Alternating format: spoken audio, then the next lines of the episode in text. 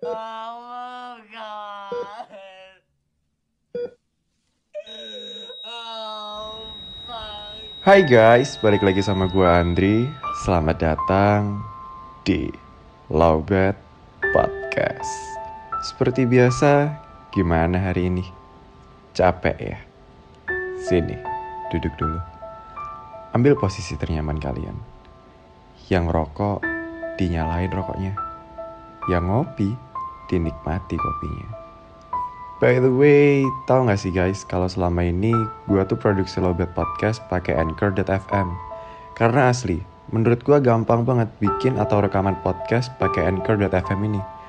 Udah gratis, lengkap lagi. Mulai dari record, editing, sampai tahap distribusi ke Spotify dan beberapa platform lainnya, semua bisa dilakukan hanya dengan satu aplikasi. Buruan deh, download Anchor.fm di Play Store atau App Store dan mulai podcast kalian sendiri.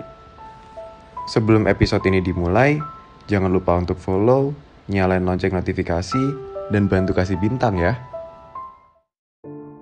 Orang bilang, bagian terberat pada kehidupan adalah perpisahan. Namun, bagiku, tak ada yang lebih berat dari dipaksa keadaan untuk mengikhlaskan. People come and go memang benar adanya. Aku pun sebenarnya tak masalah dengan hal itu. Karena pada akhirnya kita semua juga akan dipisahkan oleh maut, bukan?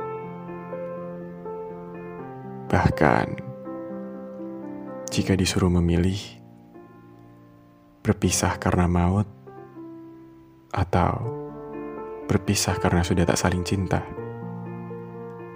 aku lebih memilih untuk berpisah karena maut. Menurutku, berpisah karena sudah tak saling cinta adalah hal yang paling menyakitkan. Karena jika sudah tak saling cinta, kebanyakan orang akan memilih untuk kembali menjadi orang asing. Bedanya, kali ini kita kembali asing dengan membawa segudang memori yang pernah kita buat bersama. Kalau dibilang benci, tak sedikit pun ada rasa benci dariku untukmu. Yang kusesali adalah kenapa kita harus kembali menjadi asing. Memang harus kuakui bahwa tak semua kenangan itu indah dan tak semua orang bisa menerima kenangan pahit.